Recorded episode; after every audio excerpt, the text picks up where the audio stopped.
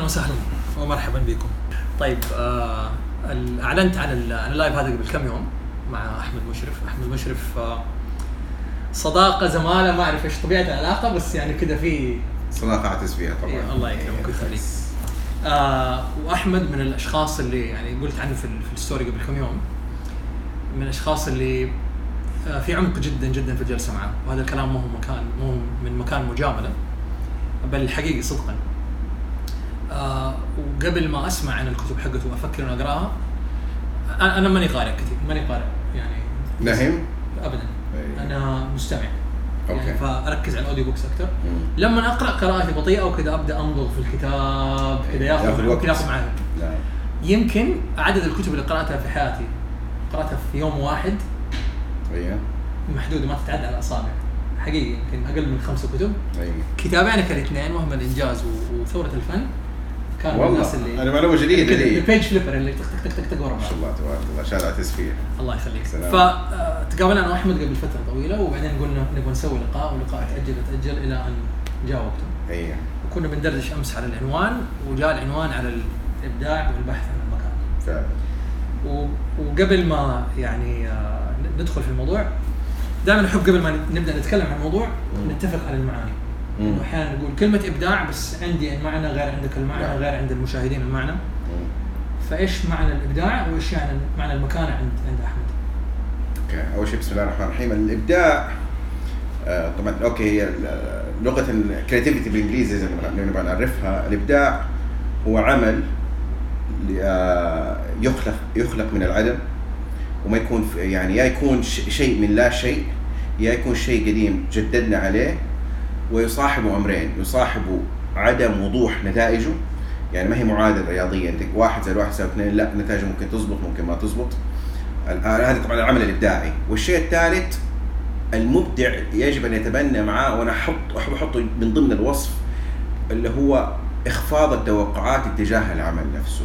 okay ف basically وأنا بشتغل على الشيء ما يكون عندي توقعات. كيف حيكون نعم. كيف حتكون النتيجة النهائية خفض التوقعات قدر المستطاع لأنه طبيعة العمل الإبداعي تحتاج إنه الإنسان يكون مرة عنده طولة بال وعنده سعة صدر إنه هو يعني العمل اللي بيشتغل عليه الشيء اللي بيبدعه ممكن تكون طبخة جديدة ممكن يكون process جديد كموظف بنك ممكن يكون آه، يعني رسمة جديدة ممكن يكون كتاب جديد ايا كان عادة النتائج تكون غير متوقعة وهو ده الشخص قبل ما يبدأ يشتغل يكون واعي لهذا الموضوع لهذا الموضوع. في detachment كامل تماما في مو هو كامل لكن ربما مشكلة الإبداع إنه الناس إنه اصحابها يكونوا مرتبطين فيها okay؟ والارتباط هذا مجازا أطلق عليه اللي هو الشغف. والشغف سلاح ذو حدين ممكن يدمر حياتك لا قدر الله. خلينا نعرف الشغف كمان. إذا الإبداع عشان الش... نعرف إيش اي الشغف هو إنك أنت تمارس عمل ب... بحب مطلق ومستعد تقدم تضحيات عشان تستمر في تأدية الش- الشيء اللي أنت بتسويه لأنك شغوف فيه. والشغف باختصار شديد طبعا عفوا تعريفي أنا الشخصي إيه. له إنك أنت طبعا في نفس الوقت يعني غير إنك أنت مستعد. مش الجانب الس- السلبي فيه إنك أنت تبى تغض النظر عن الفرص الأخرى حوالينك. يعني زمان المدرسة القديمة كانت تقول follow your passion اتبع شغفك. أنا ضد المدرسة دي تماما. ليه؟ لأنه الإنسان لما يركز ويتبع شغفه ببساطة شديدة كأنه بيقول للناس يا اسمعوا ترى أنا شغوف في الشيء الفلاني وحستمر في أداء الشيء الفلاني ما يهمني إيش فيه في العالم ده وأنا يعني حسوي المستحيل إن أنا أكمل فيه. فيصنع أو القناعة دي تصنع أحيانا من الشخص صاحب الشغف إنسان بوهيمي فهمت علي؟ انه هو تلاقيه خلاص إنه متمسك ده الموضوع. بينما المدرسة الجديدة تقول لك feel curiosity في curiosity أو أتبع فضولك. الفضول باختصار شديد إنك أنت بتجاوب على سؤال كان يسأله سيث جودين. متى آخر مرة جربت فيها شيء لأول مرة في حياتك؟ فهمت علي؟ فأنا على سبيل المثال يعني بس هل ال curiosity تخلي الواحد أحيانا يكون مشتت؟ يعني لو حطيناهم في ميزان بين الشغف وبين ال curiosity الفضول أي فيمكن الشغف يخلي الواحد يعني السلاح ذو حدين قلت اللي, أنا أشوفه من تصوري من, من كلامك إنه أي. ممكن أكون شغوف بشيء بس أصلا الشيء هذا رسمت صورة عنه في داخلي غير واقعية يمكن بعد صح. ما أتمه أصلا ما حد يحتاج المنتج ولا صحيح. عشان. هذا هذا أحد الجوانب المظلمة في الشغف. طبعا الشغف يا طويل العمر هي هو وسيلة وليس غاية. إحنا بنتعامل معاه كغاية. أنا بختار الشغل الفلاني أو الوظيفة الفلانية لغايتها عشان هي ده الشيء الشغف فيه هو لا هو بعد ما تكتشف إنك أنت نجحت أو حبيت الشيء الفلاني تمسك الشغف كده تحطه في يدك يلا أنا حستعين فيه للاستمرار في تأدية العمل. فلنفرض مش الهدف هو الشغف. مش الهدف هو الشغف. الشغف السعادة والحب ليست غايات أو لا يفترض بها أن تكون غايات. صح. ليه؟ لأنك قوي- انت قوية هذه أيوه ليش؟ لأنك أنت لما تخليها غايات حتضطر إنك أنت تنفصل عن الواقع. زي لما يعني لما باختصار شديد تحب إنسانه. و... و... و... فلما تخلي الحب هو غاية العلاقة حتضطر إنك أنت تتغاضى عن عيوب كثير موجودة في في العلاقة. وهذا ربما وهذا اللي بيصير. وهذا اللي بيصير. ليه؟ لأنك أنت غير واقعي. استيقاظ في الأخير إنه أقول أوف أوه إيوه إيش؟ كنت بسوي بالضبط بالضبط. فهذا انفصال عن الواقع. هذا الشيء يمكن إسقاطه على العمل على تأدية هذا زي لما الشخص يجيك يقول لك والله أنا إنسان شغفي أرسم كاريكاتير. وأنت عايش على سبيل المثال في بلد غير مقبول فيها الكاريكاتير الشغف ما هو ما هو متطابق ما هو. متطابق فحتصير حياتك بوهمية وحتتعب كثير وال- والتعب ده حيخليك إنك أنت تضحي آه، في فلوس وتضحي في زواج مثلا مثلا وحتضحي وحتلاقي في نفس الوقت إنه الشغف ده ما ما أثمر ما طلع لك آه، يعني يعني ثمار اللي هي خلتك تكون إنسان مقتنع بحياتك أو إنسان أنت راضي عنها. آه لكن الشغف أنا أقدر أخليه وسيلة خلاص إنه أنا طب أوكي أنا حاشتغل وآكل وأعيش وأشرب وأمارس حياتي الطبيعية وإيش اللي يخليني أستثمر شوية الجهد المتبقي خلال يومي؟ اللي هو الشغف عشان أروح أرسم لوحة الكاريكاتير مثلا اللي أنا أبغاها. ذكرت المقولة حقت جيم رون. آه، عنده عنده مقولة جميلة يقول work on your passion part time and make a living full time يس فأشتغل كوظيفة عشان أجني هذا في البداية وهذا شيء طبيعي يعني فهمت علي؟ يعني أنا حقيقة حتى ضد ال- الشباب وزملائي في منهم زملائي انه هو ما عنده رغبة أو استطاعة أو مساحة ذهنية إنه يتقبل مهام جديدة يجرب نفسه فيها على الأقل. بس عشان خاطر كلمة الشغف. لا يبغى أنا عرفت نفسي أنا حبيت الشغلة دي. كمل. أنا خلاص أنا لا يقول لك أنا أبغاها هي وحتى لو ما كانت حتجيب لي فلوس. وبالمناسبة في نقطة مرة مهمة. المبدع ليس بالضرورة يكون ناجح. صح. هذا واحد. اثنين لو جيت فالإبداع ما هو شرط لنا مو شرط للنجاح ممكن يكون إنسان ناجح كلامك ممكن إيه. يكون في إنسان ناجح بس هو أصلا ما هو مبدع. والعكس نعم. والعكس. والعكس ممكن يكون في إنسان مبدع بس ما هو ناجح. يعني تيجي يعني أي أحد فينا حتى من الناس اللي بيتفرجوا علينا الآن خليك كده غمض عينه وافتكر أحد في العيلة بنت ولا ولد معروف عنه إنه هو إنسان شاطر ومبدع. والله فلانة دائما تسمع المثال ده كثير تلاقيه منتشر عندنا في مجتمعاتنا. والله فلانة ما شاء الله تبارك الله عليها رسامة ولا مبدعة ولا شاطرة تغيب عنا خمس سنين ترجع والله ما شاء الله فنانة تغيب عنا عشر سنين وترجع تسمع بس السمع بس ما أنت شايف شيء حقيقي كده. فعلا يقولوا ان هي فنانة. طيب هل بسبب إن هي ما أخذت الخطوات اللي توصلها لأنها توصل عملها أو بسبب إنه هي زي الخير اللي حاطة هذا إنه زي الخيل شكرا جزيلا. أنت وصفت الوصف الأدق يعني. هي يعني خلاص مت...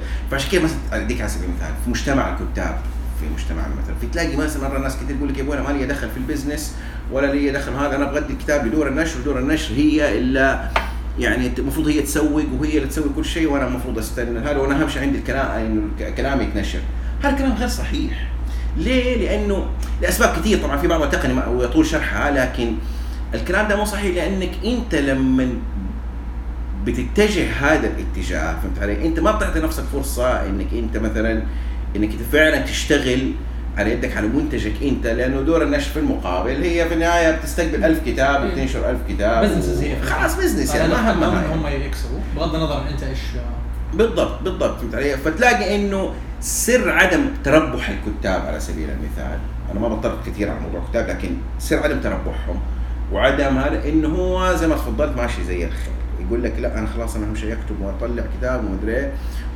وبسبب الانغلاق هذا تلاقيه مرتبط الين ما يصير عمره 60 أو 70 سنة بوظيفة قد تكون مرهقة جدا. وما بنى اللي هي الطوبه طوبة إلى إلى أن يصل إلى اليوم اللي يصبح فيه full time writer أو 70% full time بس writer يعني جزء من هذا الكلام ما بكون سلبي بس واقعيا هذه ثقافة مجتمع إنه أنت تشتغل في نفس الوظيفة عجبتك ما عجبتك مو مهم. أي. أنسى شغف أنسى إبداع أنسى كل شيء كمل كمل كمل عشان هذا ما وجدنا عليه ابائنا. بعدين يوصل لحد 50 60 سنة يبغى يتقاعد بعدين يقول لك طب أنا إيش أسوي الآن؟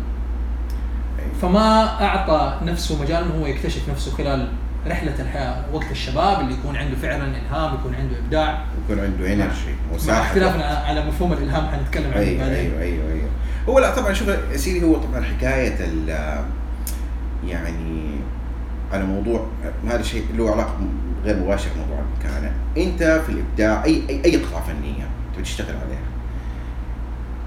عندك ثلاثة ثلاثة تحديات فيها، أولا تخصيص الوقت والجهد والعمل العميق لها، خلاص أنت كده قررت إنك تلحن أو تكتب أو تسوي طبخة جديدة، الخطوة رقم واحد إنك أنت يلا بسم الله خصص ثلاثة أربع ساعات من يوم لمدة إكس شهر مثلا، شهر شهرين ثلاثة لين ما أطلع بالموضوع ده. وعيك بالخطوة الأولى دي بس هذه يبغى لها جهد ويبغى لها صبر ويبغى لها إنك أنت يعني خلاص وتفرغ يومك وتفرغ ومحتاجة جهد مرة كبير. وبعدها maybe أو ممكن يعني لو كنت سعيد الحظ الناس حتبدا تقدرك وتقول لك شكرا جزيلا القطعة الفنية دي استحقت التقدير. أوكي؟ بس ما هي ضربة حظ دائما زي ما الناس ما هي ضربة حظ. فمشكلة إنه عدم الحصول على تقدير من الآخرين في في ذاك الوقت يصيب معظم الناس بالكسل. فهمت علي؟ فما ما يكمل. فتلاقي عادة الناس اللي هم شغوفين أو الكتاب اللي هم في عندهم وظائف وصلوا لين 60 70 تمسك كده ال- التاريخ حقهم في 40 سنة مثلا في مرحلة شبابهم تلاقي إنتاجهم قليل نسبيا علي؟ كل 10 سنين كتاب ولا رسمة ولا كل مدري إيش كتاب ولا رسمة ولا كل مدري وهذا يت- يتناقض مع القاعدة الثانية وقناعتي الشخصية اللي أنا وثقتها في في كتابي ثورة الفن إنه الغزارة هي أم النجاح في الإبداع. ال 10000 ساعة. طبعا 10000 ساعة. أوكي 10000 ساعة هذه تعريف أندرس اريكسون بس آه، الغزارة ليه؟ لأنك أنت لازم مع كل عمل تسويه. طب كذا خلينا نسقط الضوء على الغزارة أكثر أيوه الغزارة هي رقم واحد بالنسبة لي. ال art أو الإبداع أو الفن بجميع أشكاله قناعتي الشخصية. على الأغلب لا ينجح إلا بوجود عنصر الغزارة. الغزارة في الإنتاج الغزارة في الاستقبال. أنت تبغى تكون ملحن يجب إنك أنت يكون عندك وقت كبير مخصص للاستماع للموسيقى. تبغى تكون إنسان كاتب يجب يكون عندك وقت غزير للقراءة. طب فين فين مكان المزاج انه والله يا أخي ما عندي مزاج اليوم. المزاج هي طبعا على كلام ستيفن كينج وأنا أتفق جدا مع هذا الرأي هي حجة المبتدئين. لما يجيك شخص يعني كثير تسمع حكاية مثلا المزاج الإلهام. وإنه أنا ماني قادر أكتب إنه أنا ماني مدري ما جاني الإلهام لأنه يا سيدي رايترز بلوك هاي الرايترز بلوك هذا مصطلح اخترعوه في الأربعينات. يعني أتحط له الاسم ده في الأربعينات. لكن تجي تشوف قبلها تاريخيا ما كان في شيء اسمه writer's block writer's block إنه الكاتب يكون بيكتب مع يعني لحد معين بعدين فجأة إنه تحس إنه خلاص مو قادر يكتب. ماني قادر إيه. أكتب. الناس هل تخلق هل هذه حجة البليد بمسح السبورة؟ لا هي ما أقدر أقول لك هي مشكلتنا يا سيدي من ناحية سلوكية وأنا يعني عانيت منها إنه إحنا ما نعرف نفرق بين ال writer's block أو ال creative block وبين الإرهاق. أنت لما تكون إنسان بتداوم تسعة ساعات وترجع البيت بتحاول تكتب كلمتين طبيعي ما تقدر لأنك مرهق. صح فيعتقد الإنسان وقتها انه هو عنده writer's block أو creative block إن صح التعبير فهمت علي؟ فهي مسألة تنظيم ومسألة روتين ومسألة اختيار توقيت فهمت علي؟ أنا لو ما كتبت شخصيا في تجربتي يعني أنا بحاول ان أبتعد عن التجارب الشخصية لكن لو ما كتبت في الصباح يعني ت- يعني عشان ما نكون كلام آه، تنظيري تنظيري فعليا تجربة لو ما كتبت الصباح أنا ما أقدر أكتب خلاص انتهى الموضوع ما ما, ما أقدر يعني لأنه حيكون عندي خلاص أنشغل في الظهر والعصر مع في المهام وفي الليل طبعا مع بناتي ومع يعني فين حدخل الثلاث ساعات حقت. حقت الكتاب. حدخلها آخر الليل؟ لا آخر الليل خلاص أنت يعني قلك استنزفت ما, ما, ما تملك من طاقة يعني خلال بس اليوم. هاي تجربة أحمد الشخصية. بينما في ناس يقول لك وقت الكتابة حقتي وقت مثلا المساء ولا بعد العصر. طبعا طبعا طبعا. فهل هذا برنامج أنت برمجت نفسك عليه ولا هل أنت اكتشفت نفسك فين أحمد يطلع الإبداع حقه لا هو اكتشاف بالصدفة البحتة صراحة. اكتشفت لأنه أنا من بطبيعة إنسان جدا سهل إنك أنت تغريني. فهمت علي؟ يعني لو جيت في أي لحظة يعني يمكن ربما نقطة ضعف عندي إنك أنت يعني بسهوله أغري يعني أي أحد يغريني أو أقدر أغري نفسي بنفسي يعني. فاللي بيحصل معايا إنه أنا اخترت وقت الصباح عاده في المشاريع الكتابية لأنه كان فيها بضغط على نفسي إنه في هذا الوقت إنه ما في أحد بيتواصل معايا وما في أحد بيزعجني وهذا مساحة ال risk أو مساحة ال- المقاطعة تكون فيها أقل من أي وقت ثاني فبالتالي يعني على سبيل والتر ايزكسون مثلا اللي كتب آه، ستيف جوبز كتاب ستيف جوبز. من الشخصيات اللي هو جالس أتكلم عنه قبل كده كان نيوبورت في كتابه الأول Deep في Deep Work تكلم عنه كان بيصفه إنه هو من الشخصيات اللي يجلس يفتح كمبيوتر في وسط الزحمة في وسط المكتب يجلس يكتب. لو جيت سلمت عليه يسلم عليك وياخذ معك مكالمة مثلا جلسة شات خمسة دقائق مدري إيه، يرجع عنده قدرة إنه يرجع بسرعة يخش في خط ال- الكتاب ويكمل. ما يتشتت بسهولة. ما يتشتت بسهولة. هذا أنا أعتبرها قدرة خاصة. بس هذا ما- هي القاعدة العامة اللي تتعامل ما هي القاعدة العامة. كل واحد يعني هو طبعا هو النقطه بس يا سيدي مربط الفرس في النق- في النقطة هذه موضوع الإلهام. أول شيء لا أبغى الناس تطلع فيه صراحة ومن تجربتي الشخصية.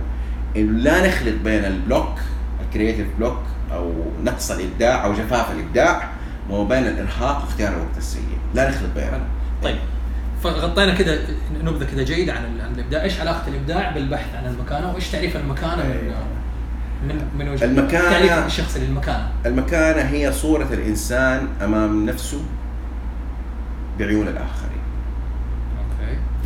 المكانة هي كيف الإنسان يعتقد شكله أمام الآخرين. أوكي كيف كيف بيعتقد؟ يعني الصورة اللي في ذهنه عن نفسه والآخرين كيف شايفينه؟ أوكي والآخرين كيف شايفينه الأخ... المكانة هي باختصار شديد الآخرين كيف شايفينه فهل هي مقاربه بين الاثنين؟ مقاربه بين أنا كيف شايف نفسي هي- وهذا الصورة اللي أنا شايف بها نفسي حقيقيه، لأنه أحيانا أكون شايف نفسي بطريقة وعندي يعني خيالات يعني خرافية، وتلاقي- بعدين يطلع الواقع. مختلف تماما. فأشوف. أيوه أيوه. فانت اللهم البحث عن المكانه إن صح التعبير هو محاولة تقريب يعني صورتي أمام نفسي للصورة التي يرانا بها الآخرين. أوكي. محاولة التقريب. لكن ليس بالضرورة هي الواقعية. أديك على سبيل المثال لما أجي أتصور تصوير منتظم مع شخصيات مهمة. صورة اليوم مع فلان الفلاني صورة اليوم مع الممثل الفلاني صورة اليوم مع سبكونشسلي بينزرع في مخي إنه أنا إنس أصبحت إنسان مهم.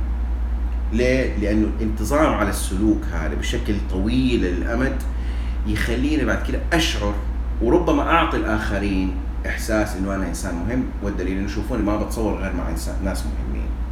وكذلك على هذا الشيء نقدر نسقط على أمور أكثر تقنيا يعني آه، اللي هو مثلا صورة اليوم حضوري لورشه عمل مع فلان الفلاني، صورة اليوم وقعنا عقد فلان الفلاني، صورة مدري اللي هي إحنا سميتها مجازا في الكتاب مهمل الإنجاز. السلوك ده الهدف منه الرئيسي هو البحث عن المكانه، إن أبغى أوري الآخرين إنه أنا إنسان مهم وأستحق الحب والتقدير والاحترام. ناو نمسك الحب والتقدير والاحترام، الحب والتقدير والاحترام هذا إحساس طبيعي أي إنسان في الدنيا يبغى يشعر فيه. في طريقين للحصول عليه. أوكي؟ هنا حجيك موضوع إيش إيش علاقته بال- بالفن. الطريقة الأول إنك أنت تخلق منتج عليه قيمة أو تحصل على منصب بتعبك تصير مدير بنك مدير فرع مدير آه، يعني مطعم مدير ولا إيش كان المنصب وعشان تصل لهذا الكلام أنت عندك مجموعة معطيات العمل الجاد الانضباط الأخلاق الأخلاق الحسنة المدري إيه. وبعدها ربما إن كنت من سعيدي الحظ حتحصل على المكانة. أوكي؟ الطريق الآخر إنك أنت يكون شكلك ناجح. آه بقرا كتاب حق آه، حق آه، مايكل براون. اي اسمه The Presence Process وفي مقدمة الكتاب في البداية بيقول إنه هو مؤمن بالقاعدة حقت fake it till you make it فمثل إلى إلى أن فعلا يكون التمثيل يكون حقيقي.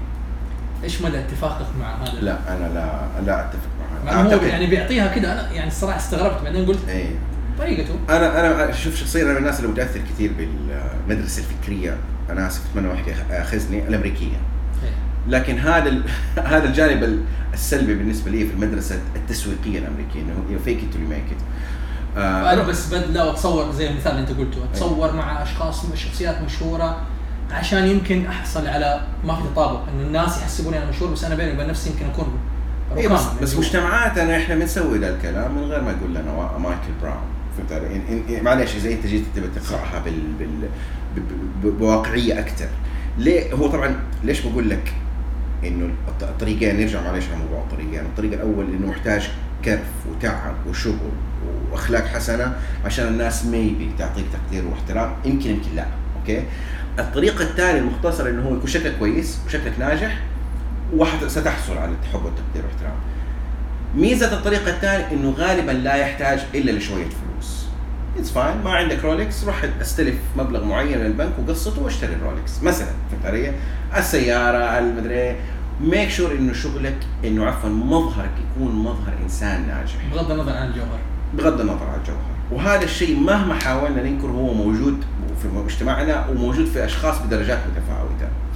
ميزته إنه يعطيك بسرعة التقدير والحب إحساس الحب إحساس. والتقدير والاحترام. عيبه طبعا الكبير أنا ما يعني الآن لاحظ إحنا ما قلنا غلط ولا صح. عيبه الكبير إنه مرة قصير لأنه. هذا خيار حياة. في ناس. مختارين. حياتهم طبعاً، ما طبعاً. بنتكلم عن عن تجريم إنه هذا صح وهذا غلط إيه، ولا؟ لا يعني بالعكس بالعكس. عيب. اي بالضبط. بس بقول لك عيبه ما ش... العيب الأكبر إنه شورت يعني. إنه إنه وقته قصير وخلاص حينتهي والناس تكتشف إنه كمان ما عندك شيء. ميزة الطريقة الأول حاجتين. اولا إنها تعطي لحياتك معنى. إلا على كلام فيكتور فرانكل إن انك انت جالس عندك قضية بتشتغل عليها. سواء كان تحقيق إنجازات لشركتك سواء كان المزيد من الكتب سواء التأثير على الآخرين بتعطيك معنى بتستمر. فيستمد الإنسان إحساس الرضا اولا من الشيء اللي بيمارسه كل يوم وبعد كده يأتي عارض موضوع المكانة. والميزة الأخرى في موضوع المكانة عفوا بس أختم النقطة دي الميزة الأخرى إنه عادة هنا المكانة تستمر لوقت جدا طويل. طيب على على نفس المقياس اللي حطيته أول هل المكانة هل هي هل هي غاية ولا وسيلة؟ ولا هي نتيجة ممكن لا تصير لا ممكن ما لا تصير؟ بالعكس سؤالك جدا ممتاز ال- المكانة أنت تقدر تخليها وسيلة وتقدر تخليها غاية إذا كانت غايتك. المكانه فانت حتتجه للطريق الثاني to look good أو يكون شكلك مميز إذا كانت وسيلة فهي تستخدمها عشان تثمر أو يعني تستثمرها إلى بعملك الحالي فهمت علي؟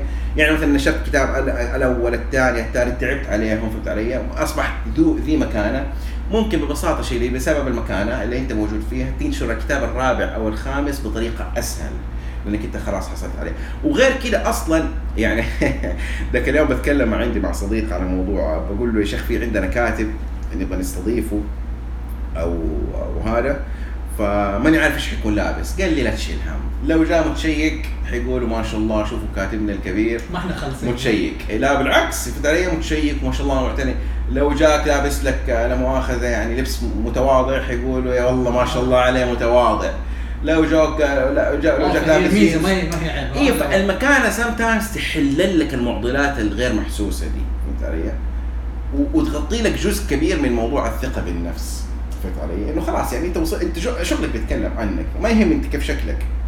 فهمت علي؟ فاهم فاهم. يعني آه، والله جميل والله ملاحظة. إيوه. فالناس اللي تمسوا لك العذر ويعطوك هذا أوه، حتى طبعاً. حتى لو أنت ما تمسه لنفسك أحيانا اي طبعا. يعني أنا ذاك اليوم بتفرج على فيديو على واحد من أبطال الشخصية ستيفن كينج. لقيته لابس جينز وتيشيرت أسود كذا باين إنه هو قديم يعني. قلت wow ما شاء الله عليه متواضع يعني. فهمت علي ما هو لابس لك جاكيت أرماني ولا. لا متواضع. وانترستك بعدين تفهمته وأديت له العذر طبعا لأنه إنسان كاتب كبير يعني فهمت علي فنفس الشيء تقدر تقيسه يعني فهمت علي حياتنا. فطبعا نقطتي هنا إيش اللي بحاول اوصل أوصل له؟ إنه أنا من وجهة نظري الشخصية إنه منهج الحياة أو الشيء اللي أنت تعيش يا سيدي مو لازم تنجح فيه بس لازم يكون له معنى. لازم يكون عندك جزء كبير من حياتك أو من يومك أو إيش تبغى تسميه روتينك يجب أن يصرف على حاجة على العمل على إنتاج المزيد من الأعمال الإبداعية. نقطة طبعا إضافية كمان حضيفها هنا فيما يتعلق ما بين الإبداع والمكانة. تقبل الفنان لنتيجة العمل اللي بيشتغل عليه أيا كانت يعني بتعطي له بتعطي له خيارين. إذا كان سيء العمل يعني كتبت الكتاب الفلاني ورسمت الرسمة الفلانية كانت سيئة it's fine حاشتغل على واحدة جديدة. كانت ممتازة؟ wow. اكمل حكمل أسوي واحدة ثانية. فحقيقة ما يفرق كثير وهذا المفروض. حلو جميل جدا. طيب أبغى أعرج على نقطة مهمة لأنه في كتابك ال... في كتاب ثورة الفن هذا الكتاب اللي ما شافه وما قرأه يعني هاي ريكومندد ومن الكتب اللي بالنسبة لي كان فرة كذا إنه أي. صفحة ورا تقلب الثانية. فعرفنا ال- الإبداع عرفنا المكانة. بس في نظر أحمد مم. الفنان عندك لي يعني يمكن الناس لما يقولوا فنان على طول يجي في بالهم صورة نمطية معينة بس مو هذا اللي أنت تقصده. يمكن يا مغني يا رسام. يا مغني يا رسام يا شيء زي كذا. فإيش تعريف أحمد عن الفنان؟ عشان أي. يعني النقاش يكون بعد كذا يكون واضح للمعاني. فإيش تعريفك مين هو الفنان أيوه هو مؤدي العمل بعاطفة كبيرة ونفس الشيء اللي يكون عادة غير منت... م... م... م... يعني أوكي يكون اول شيء proactive يعني لا ينتظر الاذن لأداء العمل. يؤدي- ف proactive ياخذ الخطوة قبل ما يجي له. ما ما تشوف أنت عمرك ملحن يروح يستأذن من أهله. ممكن لو سمحت ألحن أغنية جديدة. ممكن ما تشوف الشاعر يقول ممكن لو سمحتوا أكتب بينما مؤدي العمل اللي هو الموظف التقليدي بغض النظر إيش منصبه. آه ما يقدر يتحرك خطوة واحدة من غير موافقة مديره منفذ أوامر. منفذ أوامر إيوه. إيش تبغوني أسوي؟ أنا حاضر. إيش تبغوني يا مدير إيش اللي يريحك أنا حسويه عشان آخذ التقدير حلو في الفنان واحدة من صفاته إنه مو شرط يكون مع التيار يكون برو اكتف يكون مبادر. مبادر إنس- مبادر. مبادر. وما هو مو شرط إنه ماشي مع التيار. مو شرط إنه ماشي مع التيار بالضبط. والشيء الثالث والأهم إنه بي- بيأديه بشكل يا بيأدي عمله بشكل مختلف عن الموجود يا بيأخذ التقليدي وبيرجع. في نقاط التقاء كثير من وجهة نظر الشخصية ما بين مسمى الفنان والمبدع يعني؟ آه ربما لكن الفرق بين المبدع والفنان الفنان إنه ممكن يمكن اسقاطه على تأدية العمل التقليدي العادي وفي نفس الوقت هي امتهان. يعني خلاص أنا أعيش كفنان فممكن أنا أكون موظف في وظيفة مثلا حكومية أو شركة قطاع خاص بس وتكون أنا فنان طبعا. فنان مو معناته أكون مغني ولا ممثل ولا ولا طبعاً. ولا مؤدي ولا مو شرط. ففنان في بمارس العمل اللي غيري ممكن يمارسه بس يمارسه بطريقة مختلفة طبعاً. بطريقة proactive بطريقة مبدعة. طبعا يعني أنت عندك ال- ال- ال waiter مثلا لما يجي يخدمك وابتسامته ما شاء الله تبارك الله اخذه مساحة كبيرة ومو شرط هو ممكن يكون في ال manual حق مو مطلوب منه إنه يبتسم. يكون مبتسم ياخذ خطوة إضافية بي- بيبتسم بيعطيك الاكل بيعطيك recommendations إضافية مثلا غير المطلوبة منه. ما بينتظر الإذن من آه، مديره عشان يس- يسوي لك مثلا يساهم في في, في آه، هذا الشخص يمكن تطلق عليه لقب فنان. وأحس الفن لما نتعرض له بغض النظر عن إيش نوعية الفن اللي تعرض له سواء كان من waiter سواء كان من من إنسان خدمني خدمة معينة يبقى أثر. يمكن. هذه واحدة من علاماته. أوف. لو تعاملت مع إنسان فنان يبقى معي أثر غصبا عني مو على كيفي. طبعا. وممكن حياتك تت... يعني تتبرمج حوالين الشخص هذا. حتى لو كان موظف صغير أنت تفضل الفرع الفلاني من الكافيه الفلاني لأنه في هناك إنسان artist فهمت علي؟ بياخذ مهنته أو أو عمله بجدية أكبر. okay؟ وإحنا قبل هذا كنا بنتناقش على موضوع ال effortless المثل الياباني ال- ال- الياباني إيش كان يقول؟ shibumi. عندهم shibumi. اليابانيين عندهم مبدأ اسمه shibumi وهي الكلمة تترجم ل effortless effectiveness الفعالية بأقل جهد. أعلى فعالية بأقل جهد. فهذا المبدأ عندهم في العمل وفي في, في يعني في الإنتاج إنه أقدر أوصل لأعلى فعالية بأقل مجهود ممكن. هذا الشيء هذه النقطة أنا أشوفها وربما تكون نقطة حزينة إلى حد ما يجب أن ترتبط بالفنان. يعني أنت إذا لقيت نفسك كإنسان حقيقة لا تستطيع أن تتعامل مع شغلك الحالي بفن أو أو أو تشعر أنت إنه مرة بيستنزف جهدك ونفسيتك بشكل كبير أعتقد إنه حان الوقت إنك أنت تفكر تنقل لشغل ثاني. أنا متفهم إنه عندك مصاريف متفهم انه عندك هذا لكن التارجت الأهم في, ذاك الوقت إنك أنت تنقل لشغل ثاني ترتاح فيه أكثر. وتضحي بعنصر إنه لا أنا حأسكت ولا مؤاخذة آكل هوا عشان خاطر الراتب. okay؟ أنا من الناس اللي أؤمن بشكل كبير. بس في ناس أحمد أحيانا يخافوا يقدموا حتى على شيء ثاني هذه المشكلة. يعني خليك خليك في وظيفتك مو لازم تستقيل اليوم. أيوه بس إنه بس خلاص يكون عندك هدف شيء أيوة، ثاني يكون عندك هدف إنك أنت تبحث قد يعني. تسوي سجل تجاري لو كان هدفك business يعني طبعاً. خذ خطوة حتى لو كانت صغيرة طبعا في ناس. يخافوا من الخطوة هذه تسبب لهم يمكن أزمة انه كيف أقدر أسوي هذا إيه لأن هي خروج من منطقة الراحة علي؟ باختصار شديد ومشكلة يا طبعا منطقة الراحة شوف أي عمل إبداعي الإبداع طبعا عشان الفنان أو المبدع مرتبط بالضرورة بعدم تلقي الأوامر لاحظ أنت إحنا وإحنا في. وإحنا صغار أطفال بنتلقى الأوامر من أهالينا نخرج نروح نروح الجامعة نتلقى الاوامر من دكاترة الجامعة. بعد كذا نتخرج نروح ال- ال- ال- الشغل نشتغل نتلقى الاوامر من. أيوه نتلقى الاوامر من مديرنا المباشر okay؟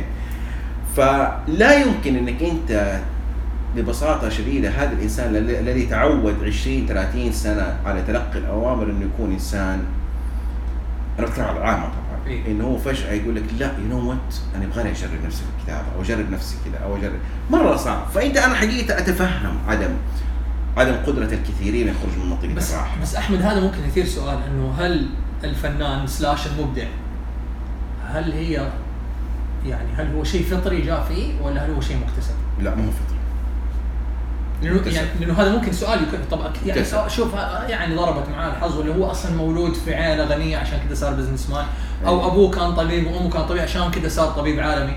أيوه فبس لا هو على؟ الأغلب. يعني حتى لو كان فطري فهو يظل في جزء كبير منه مكتسب. لأنه ممكن واحد يكون في فطري بس ما أخذ بالأسباب. ما أخذ بالأسباب وما كمل وما يعني عادة أبناء الأثرياء مثلا دائما يعني okay. أبناء الأثرياء المدللين.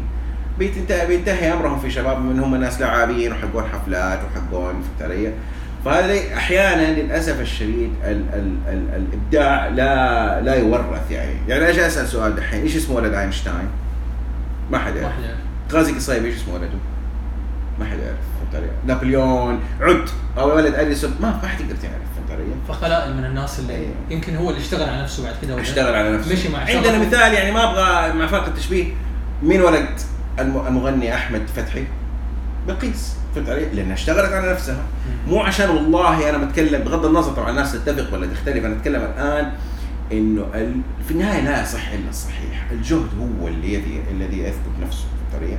يعني عندنا فكرة حقت انه ضربت معاه لا. وحظ ما حظ أنا أختلف فمو شرط يكون. ف- أي، لا فالإجابة هي نعم ونعم فممكن يكون جانب فطري بس هو كمان مكتسب ممكن يكون طبعا. فأنا يعني عندي هذه السمة بس يمكن يمكن الناس اللي يقول لك ما لقى هذه السمة يمكن ما اشتغل على نفسه يمكن ما جرب شيء جديد زي ما انت كنت بتقول على كلام أي. ستيفن كافي.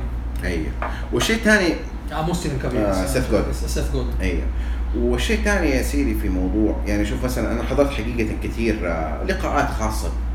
ما أنا بتكلم في صنعتي يعني أو صنعه الكتابة. دائما أتفاجأ بتعريف كثير شباب. إنه أنا أكتب اس- اسمي فلان الفلاني أكتب من عمري ثلاث سنين أو أربع سنين أو خمس سنين. وهم فخورين بهذا الكلام وهم ومن حقهم يكونوا فخورين. فهذه الصورة الداخلية وهي أيوة. منعكسه على اي الخارج اي فطيب okay ممتاز ما شاء الله. إيش نشرت؟ ولا شيء. بس أحب أكتب. okay ليش ما نشرت؟ طبعا الناس ما تنشر عادة فنونها بسبب حاجتين يا الخوف يا الكسل. ما ما في عنصر ثالث. يا الخوف من آراء الآخرين. والله هذه أيوه يا الكسل. هذا كف. أيوه. ما, إيه، ما, ما, ما في غير كذا يعني فهمت علي؟ فما في مهرب ها ما أقول الظروف ما لا لا لا, لا يا كسل يا خوف يا كسل يا خوف فهمت علي؟ فلما تيجي تسمع الناس هذه طيب إيش يعني أفهم من كلامك؟ أفهم كلامك إنك أنت لك 10 15 20 سنة من وأنت صغير لازم تكتب طب فين الأعمال؟ ما في أعمال أوكي؟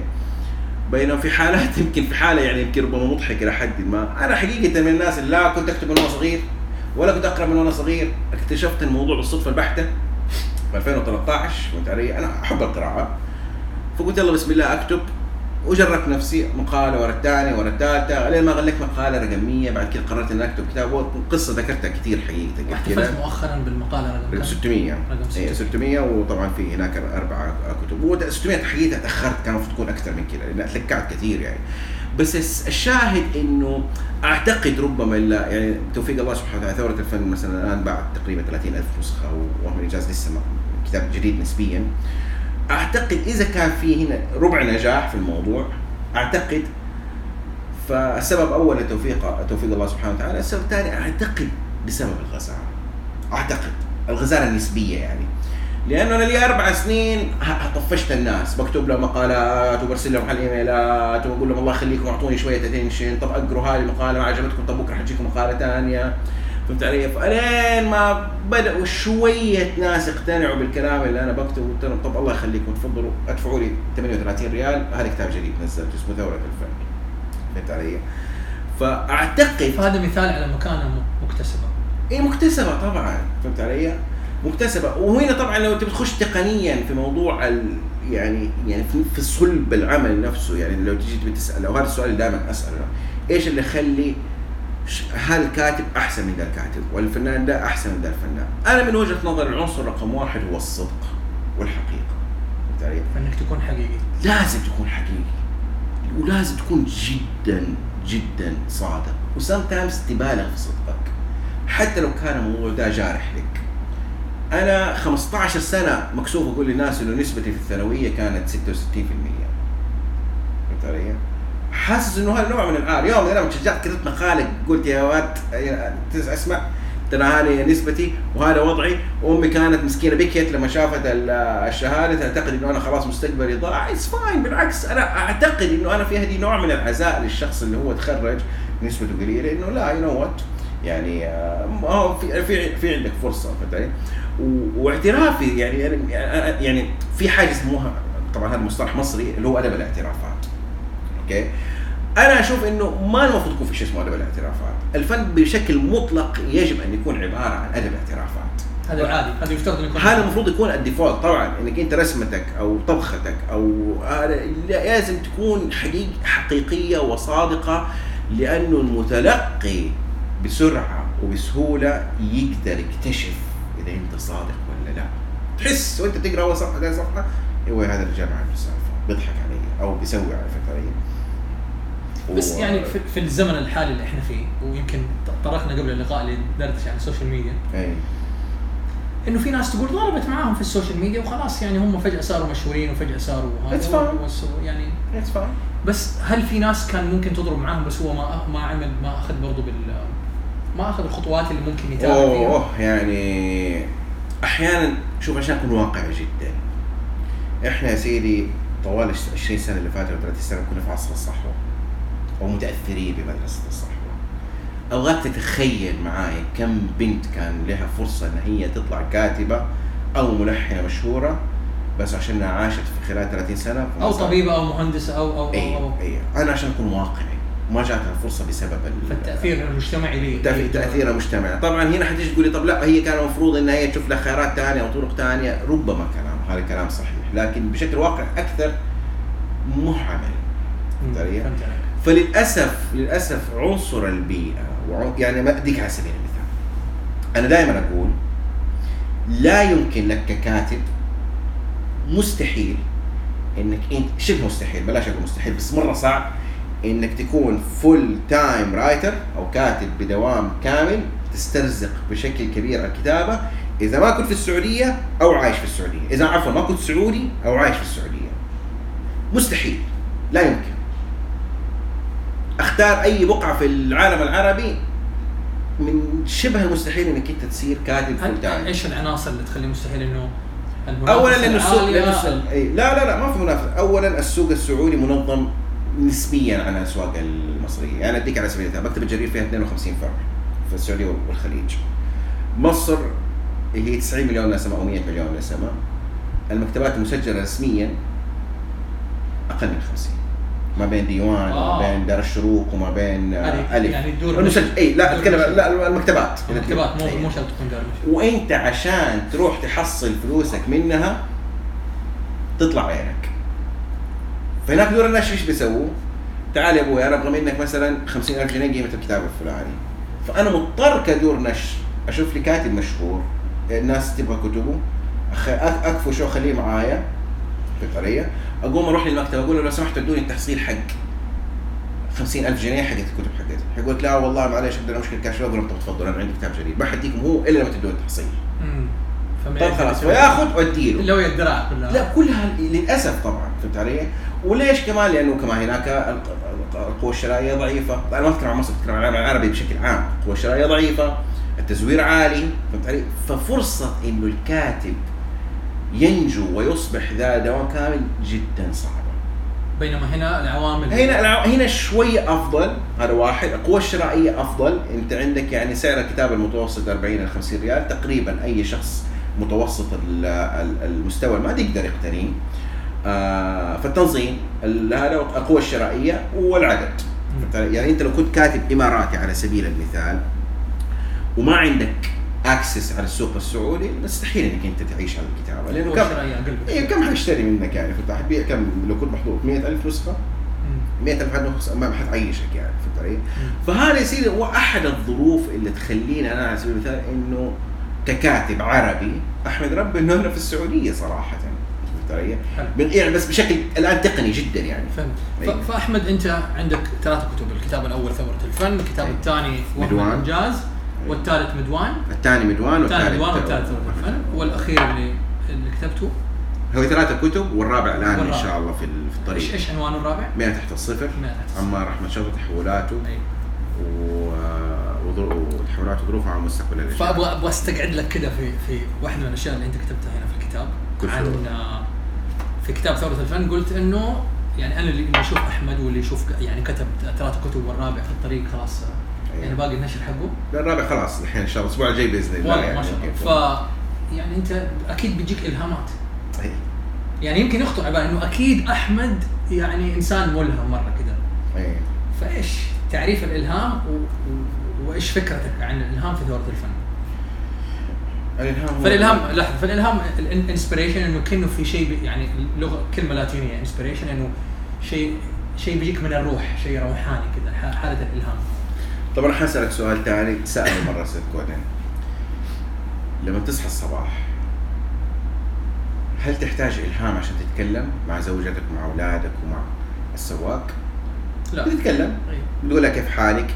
إيش أخبارك؟ أوصلك تحكي لها قصه حصلت أمس تتكلم السواق تقول له مثلا بتمارس حياتك بشكل طبيعي. ما في داعي إنك أنت في في, في الكونفرزيشن الصغير هذا أو المحادثة الصغيرة اللي مع بنتك مع ولدك مع أصحابك مع زملائك مع شغلك إنك أنت واحد ما في داعي للالهام والشيء الثاني ما في داعي إنك أنت تكذب خلاص متعود. يعني هذا الشيء. بسويه كل كل يوم. الفن نفس الشيء. الفن يجب باختصار شديد. إنك أنت you story أو تحكي قصة زي ما هي. لا يستدعي في هذا الموضوع عنصر الإلهام. أوكي؟ حقول لك ليش ما يستدعي وحجاوبك بشكل دقيق على سؤالك. لأنه أنت كفنان المف... أو ككاتب خلينا نتكلم عن موضوع الك- الكتابة عشان أقدر يعني أ... لما تبي تحكي شيء أو تبي تقول شيء المفروض تقوله زي ما هو. بدون. بهارات إلا إذا أنت يو- تبغى تبهر شخص ما. ففي ذاك الوقت حتلاقي صعوبة كبيرة إنك أنت تنمق الكلام.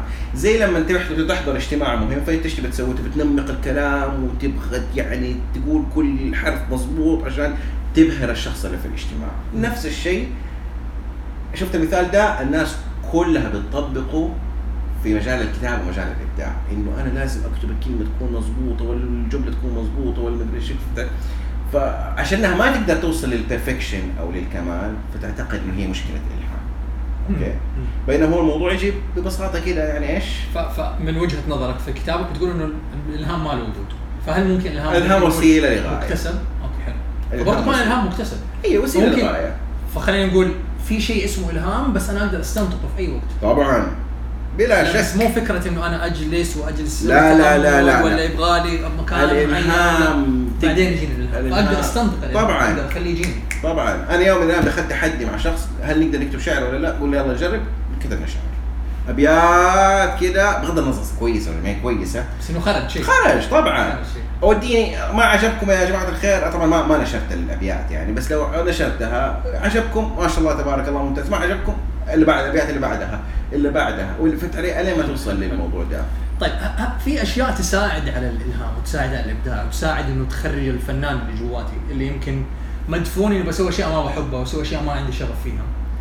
وقبل فترة يمكن أتكلمنا عن في لقائنا الأول الدردشة كذا السريع عن موضوع آه، آه، كال نيوبورت. كال أي. نيوبورت كاتب. أوف.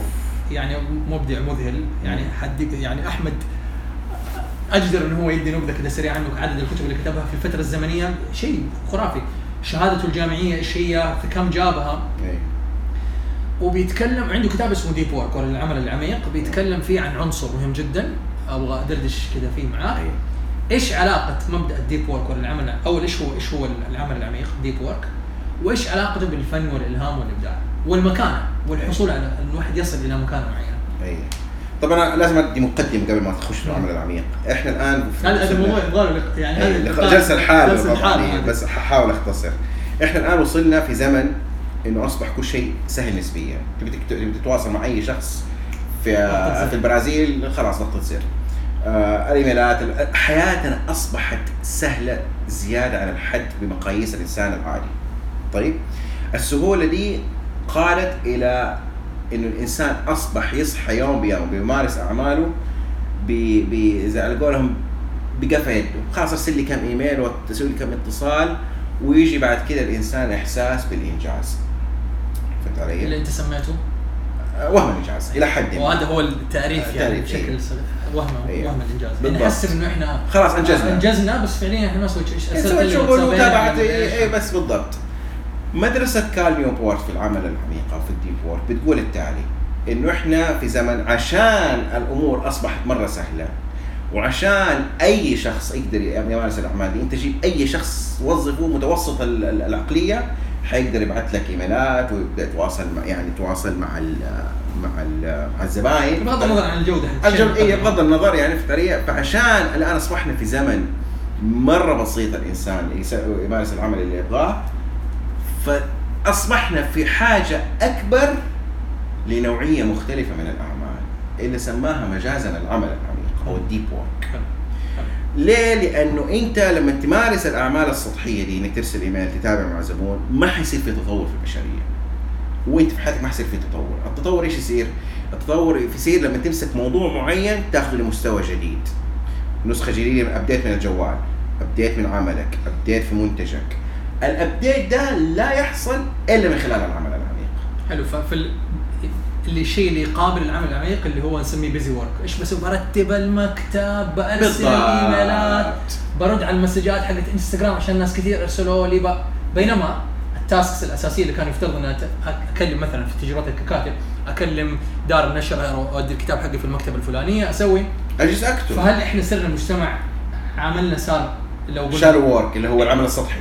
أيوه, أيوة. فيقابل العمل العميق هو shallow work فأنا العمل السطحي نعم. وإيش دور السوشيال ميديا في الموضوع ده خاصة السو- إنه أيوة. برضه قبل شوي كنا نتكلم عن السوشيال الموضوع. ميديا شوف هو يعني طبعا في- فيها خداع كبير نوف قبل فترة تكلمت عن تجربتها حقت آه، سوت 40 يوم سوشيال ميديا تو- ديتوكس بعيد أيوة. عن السوشيال ميديا وأنت دوبك قبل شوي بتقول لي إنه كان عندك تجربة حقت 30 يوم أيوة، 30 يوم غلبتها. بعد عن السوشيال ميديا أيوه حقول لك دحين موضوع لأنه الموضوع مرة. مهم موضوع ال social media بس حاخذ خطوة ورا موضوع العمل العميق والهذا حكيت قصة في وهم الإنجاز اللي هي قصة آه، وأخذتها طبعا من كتاب كارل يونغ. قصة كارل يانغ. كارل يانغ اتفاقع مع مديره أو شيخه اللي هو سيغموند فرويد. كارل يونغ النفساني المشهور عالم النفس المشهور طبعا. كان انسان عادي طبيب. بيستقبل عيادات والسلام عليكم بيعالج ويودع بيعالج ويودع والحياة طبيعية ماشية. لين ما تفاقع مع مديره مع شيخه عفوا أو أستاذه اللي هو سيغموند فرويد حول حول نقطة معينة. فال فمجتمع الأعمال وقتها في زيورخ وقفوا قال أوه. انت إيش بتقول هذا أستاذك كيف بتقول إنه كيف تغلط؟ آه، تغلط الاختلاف التقني هذا اللي بينك وبينه؟ يعني فهو طبعا اضطر عشان يدافع عن نفسه إنه يحبه إنه يستأجر شقة ويشتغل فيها كل يوم أربع ساعات مقفل على نفسه بينتج أوراق بحثية وكتب يستطيع أن يرد فيها على سيجموند فرويد. أوكي؟ ورد عليه. واعتمد الاختلاف ده. في مش في مجلة ناشونال جيوغرافي بتقول إنه هذا الاختلاف اللي حصل بينهم بين سيجموند فرويد يعد واحد من أهم 100 اختراع أو event أو حدث غير حياة البشرية أوكي؟ لكن بالرغم إنه هو أستاذه ها؟ أستاذ بين طبعا. التلميذ وبين أستاذه. أيوه طبعا. الاختلاف ده كان حتى رقم 47 فاكر الموضوع؟ إن شاء الله يوم أجيب لك النسخة يعني حق ناشونال جيوغرافي فالشاهد إنه هو طبعا الاخت... ال... ال... لما لقى إنه الأربع ساعات أو ثلاث ساعات دي في يوم واللي كان مكرس فيها وقت طويل لعمل عميق خلته يرد عليه قرر إنه هو يكمل على الروتين ده لمدة 40 سنه أوكي. من ع... من هو كان عمره 43 سنة أو 42 سنة الين ما توفى. فيوميا عنده ثلاث هذه ثلاث ساعات أو أربع. ساعات العمل العميق. أنتج أعمال في دي الفترة غيرت تاريخ البشرية. مين كان قبل كارل يونغ مثلا كان يعتقد إنه في شيء في فرق ما بين الشخص ال introvert وال extrovert؟ الشخص ال feeler وال perceiver ال- ما إيوه. يعني زمان قبل كارل يونغ كان الشخص الانطوائي يحسبوه مريض. بعد كارل يونغ لك لا يا أبوي هو. شخصيته طبيعته. تخيل قديش الموضوع مهم يعني. فالشاهد إنه النسخة الأخرى من كار من من من كارل يانغ هو شخص آه، بيروح الدوام ويروح المستشفى بيستقبل عياد- عيادات وبيودع ناس وبيستقبل ثاني يوم عياده ويصحى ويستنى التقاعد وانتهينا يعني. اللي هو أطلق عليه مجازا كان يبورت العمل السطحي. طريقة إنك لا تعتقد نفسك انك صرت استشاري. حلو بس العمل السطحي مو معناته إنه بسوي شيء غلط ها؟ طبعا. ابدا بسوي شيء يمكن لرسالة يمكن بيخدمني يمكن بيفيد الناس. اي أي. لكن وبرضه كانت تتكلم في في كتابك عن عن السعادة الفورية. بيديني سعادة فورية. اللي حسوي حيديني سعادة فورية أو حيديني مال فوري. أي طبعا. بينما العمل. العميق مو لازم يكون مكافآته سريعة. طبعا. على الأغلب مكافآته بعيدة. أوكي. زي لما تيجي تكتب كتاب ولا هذا طبعا في موضوع المكانه وموضوع ال social media أرجع لنقطة كده تفضل فيها. مشكلتنا إنه إحنا أي إنسان فينا امام تحدي كبير في حياته بشكل عام بيواجهه بشكل أو بآخر. هل أسوي شيء الآن ويجي لي ردود مردود فعلي الآن وممتاز ولا أسوي شيء آه، تاثيره حيكون طويل الأمد وأصبر على النتيجة معضل هل أروح آكل الآن ماكدونالدز وأشبع الآن وأكل لذيذ بس ما هو صحي؟ ولا أرجع البيت أسوي سلطة منها أكون وفرت ومنها أكون أكلت أكل صحي؟ للأسف التحدي ده بنواجهه في أشياء مرة كثير في حياتنا فهمت علي؟ حلو حلو فتلاقينا نميل على الأغلب لاختيار الخيار الأول اللي هو الاسهل. هل أقول للناس إنه أنا إنسان خطير وفظيع وشوفوني تصورت كل يوم بشكل أو بتصور كل يوم بشكل منتظم ولا أروح أقفل على نفسي وأشتغل على على عمل فعلا حيعطي الناس حيعطيني الحب والتقدير والاحترام. نميل إحنا عاده لنفسي قبل للناس وأنا من من الناس اللي نميل للطرف الأول يعني اللي هو أوكي خلينا بس ناخذ شوية تقدير وحب واحترام. أوكي. نقطتي بس هنا في الموضوع ده إنه الوعي أو إدراك الاختلاف ده بحد ذاته مهم جدا. لازم ندرك إنه listen ترى في خيارين في الحياة دي. إنك أنت تتعب وتقفل شوية على نفسك من غير ما توري الناس. وهذه نتيجته بس لازم تتعب. أو الخيار الثاني إنك أنت توري الناس إنك أنت cool شخصك يعني صورتك حلوة ومنظرك رهيب فاهم علي؟ حلو ف... ف... الإدراك. كلمة السر هنا الإدراك. لما تدرك إنه في خيارين دي حتلاقي نفسك يا سيدي على الأقل بتقسم حياتك ما بين دا ودا ما تكون كلها دا. ما تكون كل حياتك fast food مثلا اغش أحيانا تغش أحيانا it's fine ما في مش إنه مشكلة ما أكون مرة يا هذا يا هذا ما أكون إيه، ما في شيء يعني في-؟ يعني أنا من الناس اللي ما أحب صراحة ال- ال- يعني يعني مس- مثلا آه، تصوير آه، التصوير المنتظم على الأماكن فهمت علي؟ إنه أنا والله اليوم رحت كذا بس أحيانا أغش يعني لقيت مكان رهيب it's fine ما في مشكلة يعني في النهايه بشر إحنا مم. فهمت علي؟ بس لازم عنصر الإدراك يكون موجود على الطاولة. ما ينفع إنك أنت بس خلاص تكمل حياتك لأنه ضررها كبير. أنت لما تيجي تعتاد إنك أنت تصور نفسك وكل يوم تاخذ آه، يا يا سيدي أنت زعلان صور نفسك وأنت مكشر وقول bad day حتلاقي 1000 واحد يخ- يخش لك خصوصا لو كل بنت كمان 2000 حيخشوا لك إيش بها الحلوة زعلانة إيش ما مدري ولو كنت مبتسمة حتلاقي 1000 واحد يخش لها يقول لها ما شاء الله اليوم محلوه ما شاء الله مدري إيش وهذا الشيء بيعطيها نوع من كذا عارف رضا الذات اللي هو wow. يعني فيها نوع من ال- بين قوسين بلغة أحمد وهم إنجاز. وهم إني إنجاز، أنجزت. أيوة. أوه شوف جاني likes جاني بالضبط. تعليقات بعثوا لي مسجات. أحس كني انجزت فعليا. اي بالضبط. وكال نيوبورت بيتكلم عن إنه لما يجينا like ولا لما يجينا comment ولا لما يجينا شيء دوبامين. في إفراز للدوبامين بيصير جوة الجسم. طبعا. فالشعور حقيقي الشعور ما هو كذبي ابدا. الشعور حقيقي. بس مشكلته إيش؟ إنه ما ما بيمسك صلب المشكلة، أنت لما تكون زعلان وتصور نفسك وتوري الناس إنك أنت زعلان حتلاقي ناس يواسوك. بس المشكلة فين؟ المشكلة إنك أنت ما حليت الشيء اللي خلاك تزعل. كني أخذت مسكن. كأنك اخذ مسكن. بالضبط. فبدفن المشكلة وأقول اوه خلاص والله كل ما أكون زعلان ح... بالضبط. فهمت علي؟ والعكس صحيح. يعني أديك على سبيل المثال الفرحة أكثر عنصر يخلي الفرحة تستمر وتكون تأثيرها قوي مشاركتها مع الآخرين. أوكي؟ مشاركة. لما تتوقف عن مشاركتها بشكل واقعي وفعلي مع الآخرين تروح تشاركها بال social media اللي بيحصل إنك أنت يعني يعني بتخفف تأثيرها. لأنه بتروح في ال social media بتختفي خلاص. هي post وحيختفي أو صورة وتختفي فهي والأسوأ من ذلك ربما إنك أنت لما تصور نفسك على سبيل المثال من ناحية تقنيه في انستغرام لما تصور نفسك كل يوم كل يوم كل يوم كل يوم كل يوم تنزل حيجي واحد شخص غريب يشوف الصور دي يعتقد إنك أنت إنسان عايش حياة رائعة. وحديله صورة غير حقيقية. طبعا لا هو حيحسدك على على ولا شيء يعني؟ فما في داعي؟ فالإدراك هنا وهذا الشيء المنهج اللي أنا بطبقه شخصيا. بحاول قدر المستطاع إني أنا ما أغرد وما أنزل بوست في إنستغرام إلا في قيمة من وراه لازم. لنفسك قبل الآخر.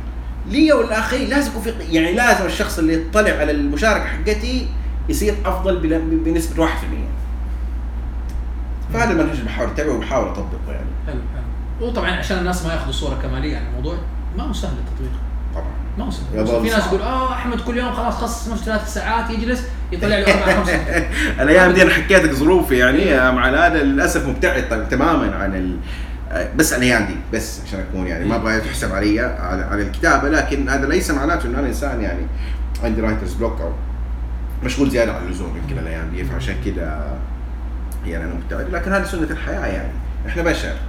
حلو فالتعريف يعني على حسب كلام كال نيوبورت لما يتكلم عن عن deep work وأنا شخصيا يعني آخر مرة كنت فيها كنت يعني اضطريت إنه أبعد عن كل شيء عشان أخصص نفسي كتجربة.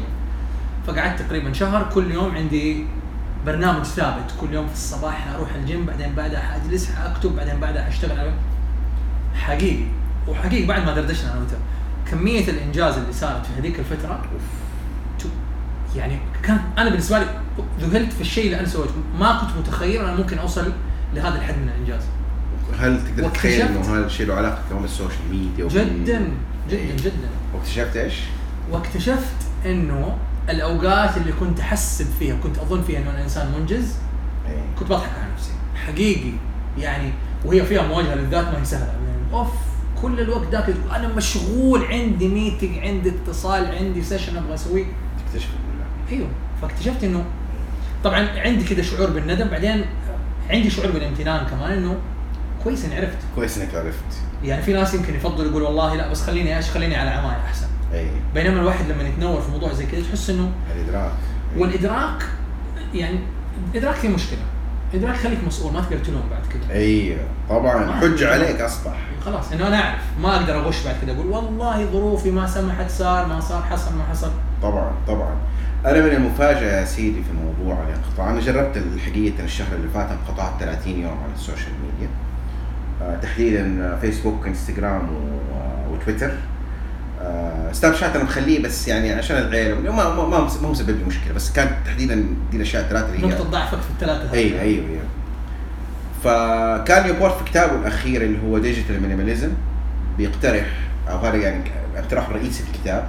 إنك يقول لك أول شيء أقطع 30 يوم أتخلص من حكاية الإدمان بعدين رجعها بتوازن يعني بعد ما تقطع خلاص خلصت من الإدمان يلا بسم الله أرجع إنستغرام أرجع تويتر أرجع فيسبوك ولا whatever كان اللي أنت مدمن عليه بتوازن رجعها بشويش يعني. وهذه النقطة رقم واحد، النقطة رقم اثنين اللي أتكلم عنها وحقول لك اشتغل معايا. انه يقول لك مرة مهم إنك تسوي خطة. ما ينفع إنك أنت تقول أسمع حأقطع وخلاص. لانك حتصدم بحجم الإدمان اللي عندك ويعني ما بخوف الناس بس حت... ربما تصدم والشيء الثاني حتصدم من حجم الفراغ. فالتخطيط اللي يقصده يقصده كال نيوبورت إنك أنت الفراغ ده لازم تشغله. فحطيت خطة لنفسي إنه أنا قلت خلاص أنا حقاطع ال social media وأي وقت أبغى أخش أمسك الجوال أشوف إنستغرام أمسك كتاب مكانه مثلا okay فأخذ ما عندك بديل. اي لازم لازم تحط لازم يكون عندك بديل. فاخذت صرت حاطط كتاب في السيارة حاطط كتاب وقريب من المدخنين الناس اللي يكون يدخن. يحط فصفص مكانه كل بان يحط إيه، ثاني. إيه، بالضبط. نفس نفس المبدأ يعني. فقلت يلا بسم الله أنا. حستبدل بشكل رئيسي الكتب. يعني كهي يعني بدل ما أقرأ كذا ساعة حقرأ أكثر بكثير وحماس ويلا بسم الله نبدأ. تفاجأت يا سيدي إنه بعد أسبوع أسبوعين إنه حجم الشغل المعلق عندي في القائمة أكثر بكثير من أصلا إني أنا أفكر أقول أجلس يعني أزود أنا أقرأ كل يوم؟ بس فين كانت الكتب؟ فين كانت المهام هذه؟ كانت محطوطه بالدرج يعني أشياء اللي هي اللي هي شهرين أبغى أسويها الشغله اللي تاخذ مني آه، أسبوعين صارت تاخذ مني وقت اكتشفت إنه أنا طلعت يعني ما أدري صراحة كنوع من التنوير ولا بربنا ألهمني إنه طلع عندي كمية مهام معلقة مرة كثير لدرجة إنه خلص الشهر وما لحقت اغطي ال target. يلا ما لحقت. أوفي بالخطة اللي حطيتها لنفسي إنه أنا أقرأ مثلا خمسة كتب في الأسبوع مثلا كانت يعني كانت target خمسة كتب. ما ما أنسى الموضوع يعني. فحزنت صراحة. زعلت إنه واو قد كده أنا كنت مصاب بال بال بال بال بالتيه. أو بالهذا فعرفت أو آمنت موضوع ال social media. ال social media يعني ادمان. حقيقي آه لما نوف تكلمت عن موضوع ال social media detox بعد ما أي. يعني قرأنا كتاب Deep ما قرأنا كتاب Deep Work سمعنا كتاب Deep Work أي. audio أي. كان في ردود فعل من الناس إنه يقولوا إنه يعني مرة بتبالغوا عادي إذا أنت عندك نقطة ضعف. ما في شيء اسمه إدمان social media عادي ترى. أي. يعني بس بطمن برسل ب... أي. إيش لأنه لأنه لأنه ال social media ظهرت في في في, في حياتنا بشكل تدريجي ما ظهرت بشكل فجأة يقول لك في شيء اسمه social media اي اي زي اللي يزيد وزنه أي. 50 كيلو وما زال بعدين يقول لك والله فجأة ما إيش اسمه فجأة؟ هي يوم على يوم على يوم على يوم على يوم أكلة على أكلة على أكلة بدأت تزود. فال social media كأنها زحفت زحفت زحفت زحفت لما صارت جزء. خلاص. صارت هو العادي يعني. أول ما أصحى من الصباح حمسك جوالي وحاشوف ال... حاشوف ال messages وال notifications اي واللي بيقولوا كال نيوبورت وبالمعلوميه كال نيوبورت ما عنده ولا حساب في أي برامج social media. بتاتا مع إنه كاتب وعنده بروفيسور بيدرس في جامعة عنده مجموعة كتب. وشاب ها؟ وشاب، كم- صغير. كم عمره؟ إذا بس 43 عمره- 43 أو 44 سنة. فش يعني إنجاز رهيب. أيوه. فالفكرة إنه ال social media لأنها زحفت في حياتنا بشكل تدريجي يمكن ما نشعر بال- بالتأثير حقها طبعا. ف في ناس يقول لك لا ما هي ما هي يعني هذا كان مبالغة وكلام فاضي. و... أي. شوف أنا عندي رد للموضوع ده. آه بطبيعتنا ما نعرف نفرق إحنا البشر. أوكي أنا من الناس دي. ما نعرف نفرق ما بين الوقت المستنزف والجهد الذهني المستنزف والجهد البدني المستنزف. إحنا نعتقد إنه إحنا بنجلس okay لو تنزل ال application حق Moment اللي يحسب لك قديش أنت جالس ماسك الجوال. average الناس ما بين أربع لست ساعات. okay؟ لكن مشكلة الأربع ست ساعات دي إنها موزعة عبارة عن 30 ثانية موزعة على اليوم. ال 30 ثانية دي اللي هنا و 30 ثانية اللي هي مثلا في 9 الصباح و 30 ثانية مثلا في كذا ولا خمس دقائق في الساعة 12 صار خمس ساعات. اللي كونت لك الخمس ساعات مشكلتها واحد انها بتقطع حبل أفكارك، اثنين بتشتت تركيزك عن المهمة أنت بتسويها. مع إنه ما يجي على البال صح فأنا مثلا let's say قاعد بكتب أو قاعد برسم أو قاعد بسوي العمل اللي أنا مبدع فيه يجي notification أيوة. آخذ الجوال وأقول آه بس دقيقة أوري. هذه إيش تسوي؟ هذه بتقطع لك حبل أفكارك فهمت علي؟ يعني كان دائما بيشتكي منها نيل ستيفنسون الكاتب اللي يقول لك ليش أنا ما صرت كاتب معروف science fiction يقول لك ليش أنا بطلت تماما أرد على على الإيميل. عنده مقالة معروفة اسمها Why I am a bad correspondent بيقول لأنه أو هو بيحكي عن تجربته إنه بيواجه تحدي كبير ومشكله كبيرة إنه هو لما ينقطع حبل أفكاره مرة صعب إنه يرجع. okay؟ يقول مو بس لما يقطع حبل افكاري يقول لو أنا جلست وعارف إنه شخص حيجيني بعد نص ساعة حيجي يديني غرض ويمشي أنا ما أعرف أسوي شيء أقعد زي كذا. فهذا اعتراف طبعا صريح منه إنه هو إنسان سهل ال- التشتت. أوكي؟ أنا أعتقد إنه هذا الشخص الكاتب هذا هو عبارة عن كل الناس أو معظم الناس إن صح التعبير عشان لا تعمل أوكي؟ أنا من الناس دي. اللي سهل التش- التشتت سريع التشتت إني أرجع أمسك حبل الأفكار مرة ثانية مرة صعب بالنسبة لي. وهذا الشيء مسبب لي بكل شفافية ألم. ليه؟ لأنه على المستوى الشخصي أنا أميل إني أنا إنسان اجتماعي، اجتماعي من الطراز الأول أعتبر نفسي، أحب الناس جدا وأحب الاجتماعات وأحب جلسة الأصحاب وأحب ال- مدري إيه، واخترت لنفسي مهنة ص- يعني تتعارض مع هذه الطبيعة البشريه اللي هي مهنة الكتابة. اللي هي تحتاج وقت طويل جدا من الانضباط والالتزام وت- وتجلس. فهذا الشيء بسبب التعارض ده خلق فيه نوع يا سيدي من من من نوع من من آه، التحدي الكبير يعني؟ إنك انت طب أنت اجتماعي ولا تجلس تحبس نفسك كل يوم ثلاث ساعات أربع ساعات؟ معضله. معضله حقيقية يعني. معضلة حقيقية يعني. فطبعا أرجعك لل box رقم واحد اللي هو موضوع الإدراك. أوكي؟ أنا إلى اللحظة دي رغم إني أخذت ال break ما زلت أعاني بشكل كبير من ال social أي نعم أوكي أنا أفضل من غيري. ما ما بصور نفسي بشكل منتظم وما بصور بناتي وما عندي business في البيت وما فاهم علي؟ لكن يعني يعني مشكلتي إن أنا أحب أخش أشوف الناس أروح أخش أشوف ال...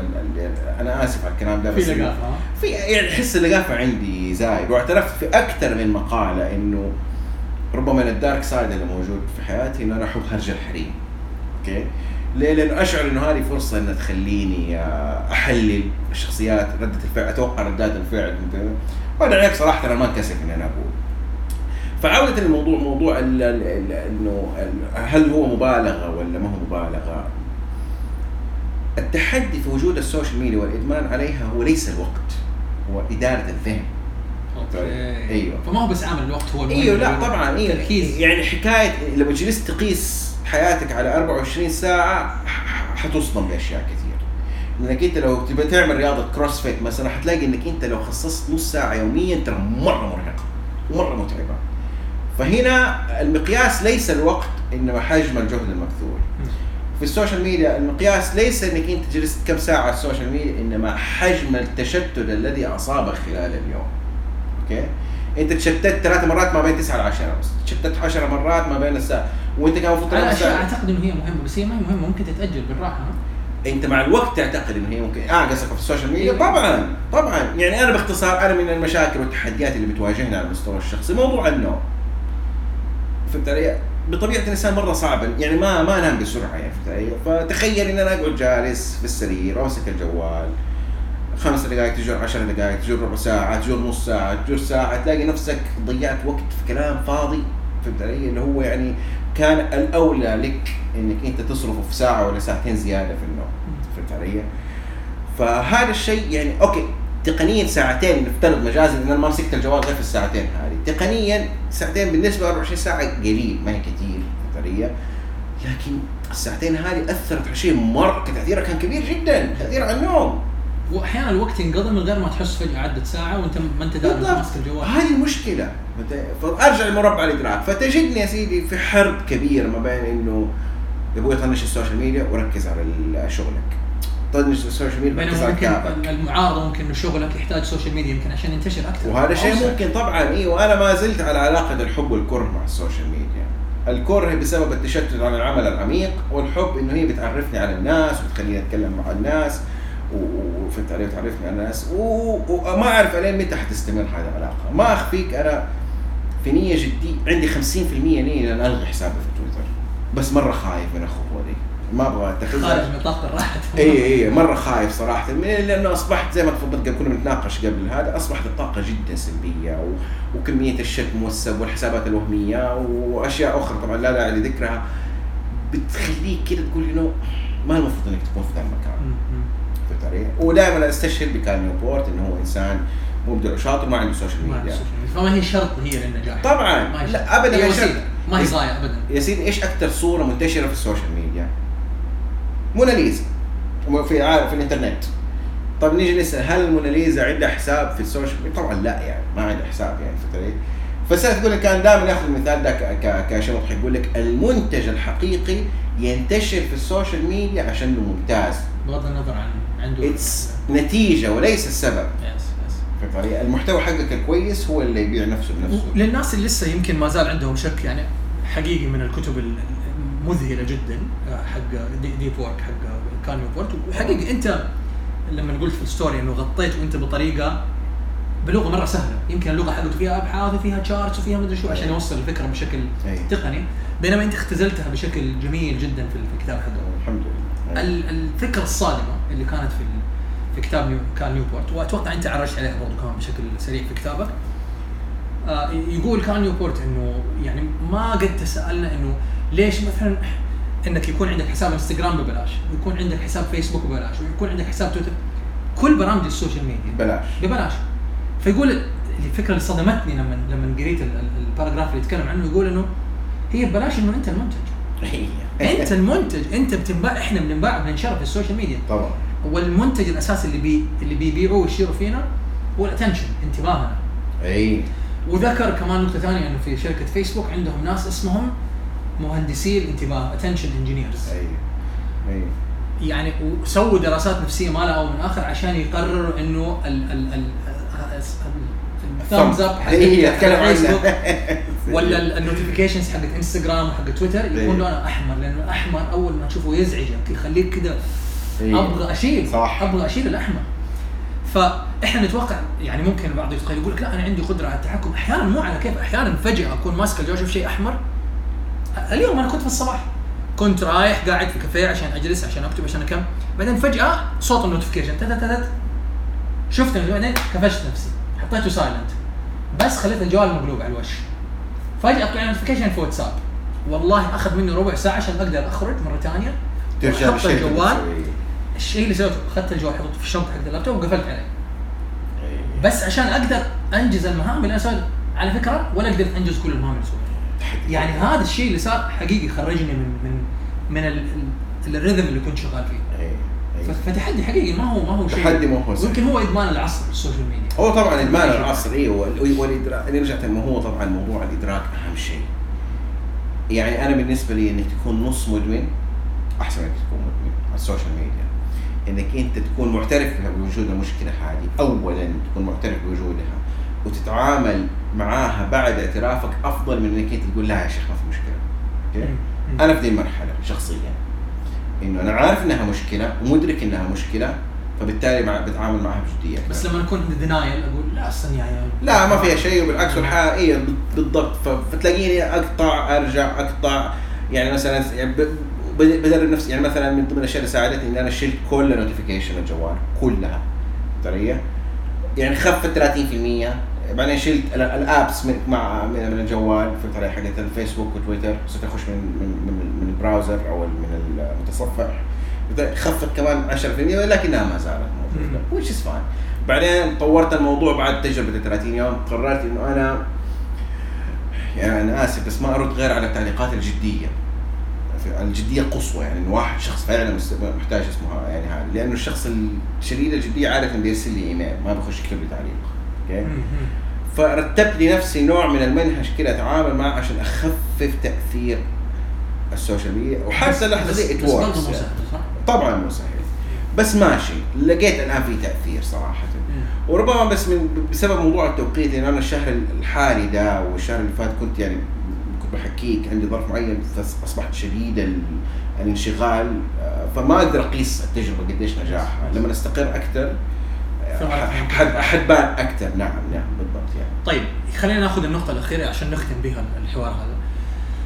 آه علاقة الإبداع الفن الإلهام المكانة وكيف أقدر هل في خلطة سرية لأنه في ناس يقول لك إيش الحبة السحرية اللي أخذها اللي تخليني أقدر أوصل؟ أيه. هل في فعلا في, طريق مختصر؟ من وجهة نظري في خلطة فايش إيش وجهة لأنه في ناس يقول لك يا أخي خلينا نستفيد من الخبرات بدل ما أنا أج... يعني أرجع أجرب try and error مرة ثانية أجرب وأغلط وأجرب وأغلط حضيع وقت على الفاضي. فهل في خلطة سرية تقدر وهل الخلطة السرية هذه سهلة ولا لا؟ لا للأسف ما هي سهلة. أجيك من جانب. فما هي ذا ماجيك الخلطة السرية أيوه. ما هي خطه سرية؟ هي منهج. أنا بتبعه شخصيا عشان أكون صادق. هي العمل المستمر دون توقف. فهمت علي؟ بس. إيش بتسوي أنت في ابن الحلال في حياتك؟ إيش المهنه اللي اخترتها لنفسك؟ إيش الفن اللي اخترته لنفسك؟ خلي العمل المستمر بجدية قصوى. هو ال ال ال ال صاحب الحيز الأكبر في من, من وقتك ومن جهدك أوكي؟ كيف نعطي high quality للعمل ده؟ بالتلقي. أنا كيف أقدر أسوي طبخات ممتازة لازم أروح مطاعم ممتازة؟ كيف أقدر أطلع محتوى كتابي عالي الجودة لازم أقرأ كثير؟ كيف؟ وهكذا. العمل المستمر بيطلع لك ثلاث أشياء مهمة جدا في في إجابة على سؤالك. واحد بتخليك لا يعني بتقود الانتباه حقك إنه يتجه إلى العمل الحقيقي نيابه عن العمل السطحي والمكانة والمكانة السطحية صح التعبير. اثنين العمل المنتظم يكون عاده ذو أثر بيغير في في حياة شخص ما في مكاني ما في العالم. ثالثا والأهم من كده إنه ستحصل على المكانة المستحقة من خلال عملك. ما هي شيء وهمي. ما هي شيء وهمي. أنت سويت رسمه فلانيه ولا سويت الفيلم الفلاني ولا سويت الكتاب الفلاني أثر في حياة شخص ما شكرا جزيلا هذا عمل يستحق الاشاده طيب فالعمل المستمر هو الخطة السحرية. سهل؟ لا مو سهل. صعب؟ طبعا صعب. لكنه في نفس الوقت ما هو بالغ الصعوبة. ما هو شيء مستحيل. فعادة ممكن تكتسب اي بالضبط يعني. والتكرار ممكن تكتسب اي بالضبط يعني. زي الشخص يعني يعني هل نجي نقول مثلا إنقاص الوزن موضوع صعب؟ هو صعب. لكن هل هو مستحيل؟ لا مو مستحيل. اللهم إنك أنت تنتبه لأكلك كل يوم وتلعب مثلا يعني تبي تصير كاتب ناجح؟ يا سلام. ما في شيء اسمه كاتب ناجح. تصير أول شيء لازم تصير كاتب. كيف تصير كاتب؟ إنك تكتب بشكل منتظم.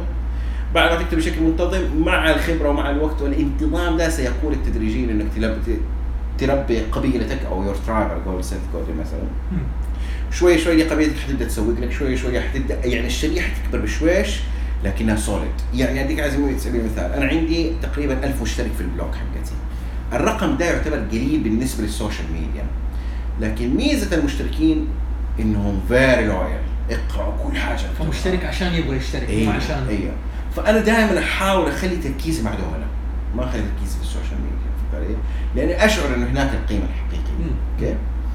آه ولو إنها ما بتجيب لي مكان الناس انت يعني لو جيت قلت لك عندي مش 10000 ما تقدر تكتشف كم مشترك عندي يعني. Yes. آه فنشتغل على لب المواضيع أكثر من الأمور السطحية، هذه ربما الخلطة السرية اللي أنا بطبقها في حياتي واكتشفتها من خلال بحثي في ثورة الفن ووهم الإنجاز. جميل جميل. طيب أبغى يعني أختم الحوار هذا بنقطة أخيرة يمكن آه، يعني فاتت علينا بس كنا بنتكلم عنها قبل اللقاء. أي حق مفهوم الكرف. عشان أوصل عشان أكون فنان، عشان أكون مبدع، عشان أكون إنسان ملهم، عشان أوصل لمكانة لازم أكرف. ليل بنهار أشتغل أحرث في الزمن هذا إيش إيش رأيك في مفهوم الكرف؟ والله شوف والكرف ما أقصد في deep work ها؟ اي لا الكرف اللي هو. الشغل إيه، اللي يسموها أحيانا اللي هو الاحتراق الوظيفي أو الاحتراق ال- اللي هي- يعني. طريقة يمكن حياة آه، آبائنا وجدنا قبل السوشيال ميديا قبل الإنترنت إنه لازم تشتغل 40 50 سنة في نفس المكان task وليل بنهار هو يكرف عشان فعلا يقدر يوصل على نتائج إيه. يمكن ما ما تقارب آه، ما تقارب الكرف اللي هو حقه. هو سيدي طبعا عشان عشان لا لا اصير إنسان لا مؤاخذه منافق يعني أنا إنسان أميل للكسل. ما أميل للكرف بكل شفافية. آه بس مو أميل للكسل حبا في الكسل. يعني أنا مثلا مكتبي أروح كل يوم حتى الجمعة والسبت أوكي؟ بس أنا ما أعرف إيش أسوي تسع ساعات ولا 10 ساعات.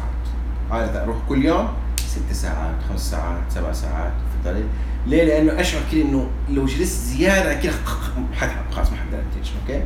فقلت خلاص أقول أطلع أروح المكتب وقت قليل بس روح الجمعة والسبت أنا طبعا منهجي الخاص الكرف ما أعتقد في في قناعتي أنا الشخصية إنه إنه يعطي نتيجة لأسباب كثير. أولها وأهمها تكلمنا عنها قبل اللقاء إنه الدنيا تغيرت. التكنولوجيا أصبحت تساهم بشكل كبير. أنت أول تبغى شيء من وزارة الثقافة لازم تشغل سيارتك وتروح لوزاره الثقافة. الآن كل شيء أونلاين. كل شيء أونلاين. التواصل أسهل الدنيا أسهل. أنت لابتوبك عبارة عن مكتبك. أوكي؟ أي نعم تحتاج إنك تتواصل مع فريق عمل وزملاء لكن الحجم ال- ال- الاعمال الفيزيائية قل بشكل راديكالي ان صح التعبير. وبقت ال- وسائل التواصل هو شغل نص التواصل يعني مع الآخرين. yes أوكي؟ فالكرف هنا ليس بالضرورة يكون موجود على الس- على ال على ال يعني في على الطاولة. هذا واحد. الشيء الثاني يعني من تجربتي الشخصية الكسل المنتظم خير من الكرف المنقطع. أوف هذه قاعدة جميلة. أيوة. عيدها ثاني. الكسل المنتظم خير من الكرف المنقطع. أوكي؟ إحنا أتعودنا. control ها؟ it's controlled بحكيك أنا جالس أفتكر أنا بسترجع أسترجع كثير الأيام اللي كنت أجلس فيها في المكتب 16 ساعة واكرف وأتعب مدري.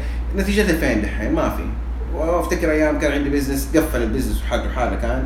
كنت أجلس في المكتب 16 ساعة. ما أشوف لا أصحابي ولا أشوف أهلي ولا وافتكر business ثاني كان عندنا زبون مهم جلسنا نكرف ومدري إيه وسوي له proposal في النهاية رفض ويمكن هذا المنهج حق الفور اور ورك ويك ورك ويك حق تيم فارس طبعا يعني. تيم فيريس عنده كتاب اسمه ال four hour work week بيتكلم عن يعني إنك أنت لازم حقت إنك الشغلة ما هي شغلة كرف ما هي مسألة. ما هي شغلة كرف أيوه بالضبط بالضبط. فطبعا بس نقطتي أو تعقيبي الأخير انه إنه أنا أميل للكسل ليس حبا في الكسل أو عشاني أنا إنسان كسول. لا والله إن شاء الله إن أنا ماني إنسان كسول يعني يمكن تسأل اللي حواليني يعني.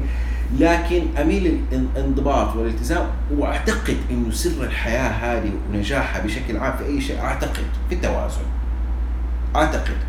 فأنا في حتت متوازن فيها في حتت ما- ماني متوازن فيها في الطريقة هدفي كإنسان صالح إن صح التعبير إن أنا أكون متوازن في كل شيء وهذا هدف ربما اسعى يعني. فوجدت التوازن في العمل أو تأدية العمل بعدم إدخال عنصر الكرف فيه. لو جاني شخص قال لي الله يخليك أبغاك تسوي لي مشروع بكرة تسلمني هو على طول ارفض ما أقدر يعني ما أبغى ما أش... أ- أ- عندي قناعة إن الحياة أقصر من إني أنا أحبس نفسي واكرف نفسي عشان خاطر هذا الإنسان بينما يعني مو مو مو غلط. ما هو غلط عشان بس غلط. نوصل الفكرة مو شرط تكون غلط يعني في ناس هذا أيوة. أسلوب حياتهم كذا. يشتغل يكرف طول الأسبوع عشان ال weekend يريح ال weekend يبدأ الأسبوع الثاني أيوة، يكرف بس- الين أهم سنه شيء. اجازه الصيف يعيش حياته في الصيف لين يرجع مرة ثانية أيوة، هذا منهج. حياة منهج. إنه مو غلط بس إنه بنحاول نوضح إنه في خيار ثاني في خيار ثاني نعم في خيار ثاني فعشان يعني أنا بال- بالنسبة لي مثلا موضوع الكتاب في ناس تقدر تنجز يعني في كثير على فكرة من الكتاب الآن بيقدروا إنه قدرة انه يكتبوا سبع ساعات في اليوم يعني. هذا شيء مرة صعب. ترى حتى الكاتب محترف. ترى أنا أفضل الكوت الصغيرة اللي تمشي بشكل منتظم ولو إني منقطع الآن مؤقتا وفترة قصيرة جدا. أو ال blogs اللي أنت بتكتبها ال post خلاص هي هذا minimum يعني بس أنا هذا منهجي الشخصي ولا اللي اتبعه طيب إيه. نقطتي أو شاهدي عفوا إنه الكرف ليس هو الأهم من أجل النجاح. طيب. وأخشى يا سيدي طبعا أخشى إنه لما يجوني مثلا كتاب خصوصا الكتاب الشباب يشوفوا عندي 600 مقالة مثلا وأربع كتب الخامس في الطريق ها؟ حقيقة لا. حقيقة هي بس شوية انضباط وخلصنا يعني. حلو حلو. بس. أحمد آه، كتبك موجودة في مكتبة جرير موجودة كل في. فيرجن موجودة في في معظم المكتبات. بوكتشينو في كل في مكان. بوكتشينو. آه هذه الكتابين الموجوده عندي وهم الإنجاز وثورة. ناقصك مدوان وناقصك 100 تحت، مدوان الصفر ومئة تحت الصفر. يعني متشوق إني أقرأ آه الكتب الباقية. إن شاء الله. وحقيقي هذه ما هي ما هي ما هو تسويق بس كذا تسويق من تجربة. يعني قرأت الكتب والأثر حقها حقيقي حقيقي كذا فيها تشغل switch ما كان ما كنت أعرف انه ال switch أصلا موجود. إي. فالكلام اللي تكلمناه هو يعني تجارب شخصية وبناء مبنية على خبرة مبنية على فعليا زي ما قلت تجربة شخصية يعني مارسناها. عشان الواحد يعرف طريقه يمكن لازم يعدي بمرحلة. أنت. بتقول هذه تجربتك بعد ما جربت مرة اثنين ثلاثة أربعة. طبعا. فعشان نعرف أحيانا إحنا مين. يمكن لازم نعرف إحنا مو مين. أوه. فاجرب واستثني أستثني. أنا مو دا أنا مو دا أنا مو دا أنا مو دا أوف أنا دا طب هي أمسك هذه وداوم فيها شوي. أتفق جدا عشان. نقدر نوصل ل طبعاً. الهو... لأنه مو... الهوية معضله إحنا مين؟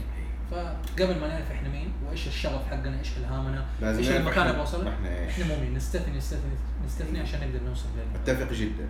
أتفق جدا مع ان شاء الله بالعكس.